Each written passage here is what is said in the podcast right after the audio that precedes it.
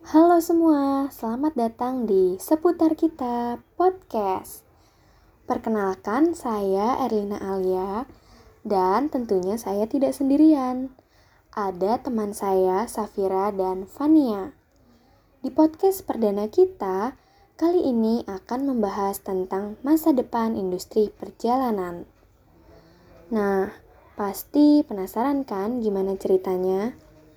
Jadi, stay tune terus ya. Enjoy!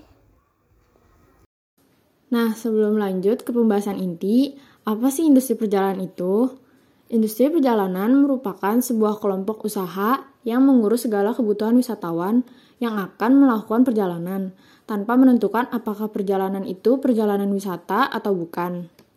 Dalam perkembangan perekonomian masa kini, industri perjalanan sangatlah berpengaruh dengan kehidupan manusia untuk waktu sekarang maupun masa yang akan datang.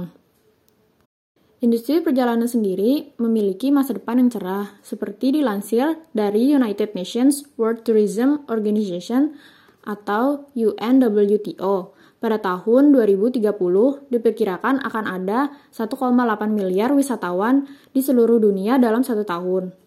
Lalu, ada juga menurut Hammond, 10 tahun dari sekarang diperkirakan jumlah penumpang maskapai akan berlipat ganda pada tahun 2040 dan wisatawan akan menuntut perjalanan yang lebih cepat dan efisien.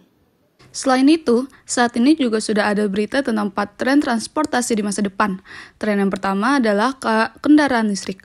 Indonesia baru memulai tren ini tahun lalu karena banyak negara di dunia yang sudah lama menerapkan kendaraan berlistrik. Tren yang kedua yaitu mobility on demand, yakni menjadikan kendaraan pribadi sebagai transportasi bersama karena trans, ter, karena trans tersebut akan mengurangi trafik kendaraan di jalan, mengurangi penggunaan lahan parkir, serta mengurangi polusi dan kendaraan. Tren ketiga yaitu autonomous driving atau kendaraan tanpa pengemudi. Meskipun saat ini di Indonesia memang belum dikembangkan, tetapi sejumlah negara di dunia sudah melakukan riset. Hal ini sudah mulai terlihat dengan adanya pesawat nirawak atau drone ada pula di Singapura pernah di pernah uji coba heli dalam perkotaan tanpa pilot.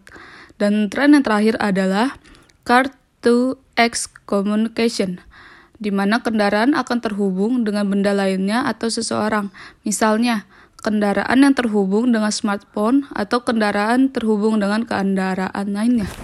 Dan gambaran terakhir industri perjalanan di masa yang akan datang yaitu Hyperloop jadi transportasi pilihan masa depan Indonesia yang kecepatannya bahkan setara dengan jet tempur, di mana nantinya teknologi Hyperloop ini sanggup menembus kecepatan hingga 1300 km per jam.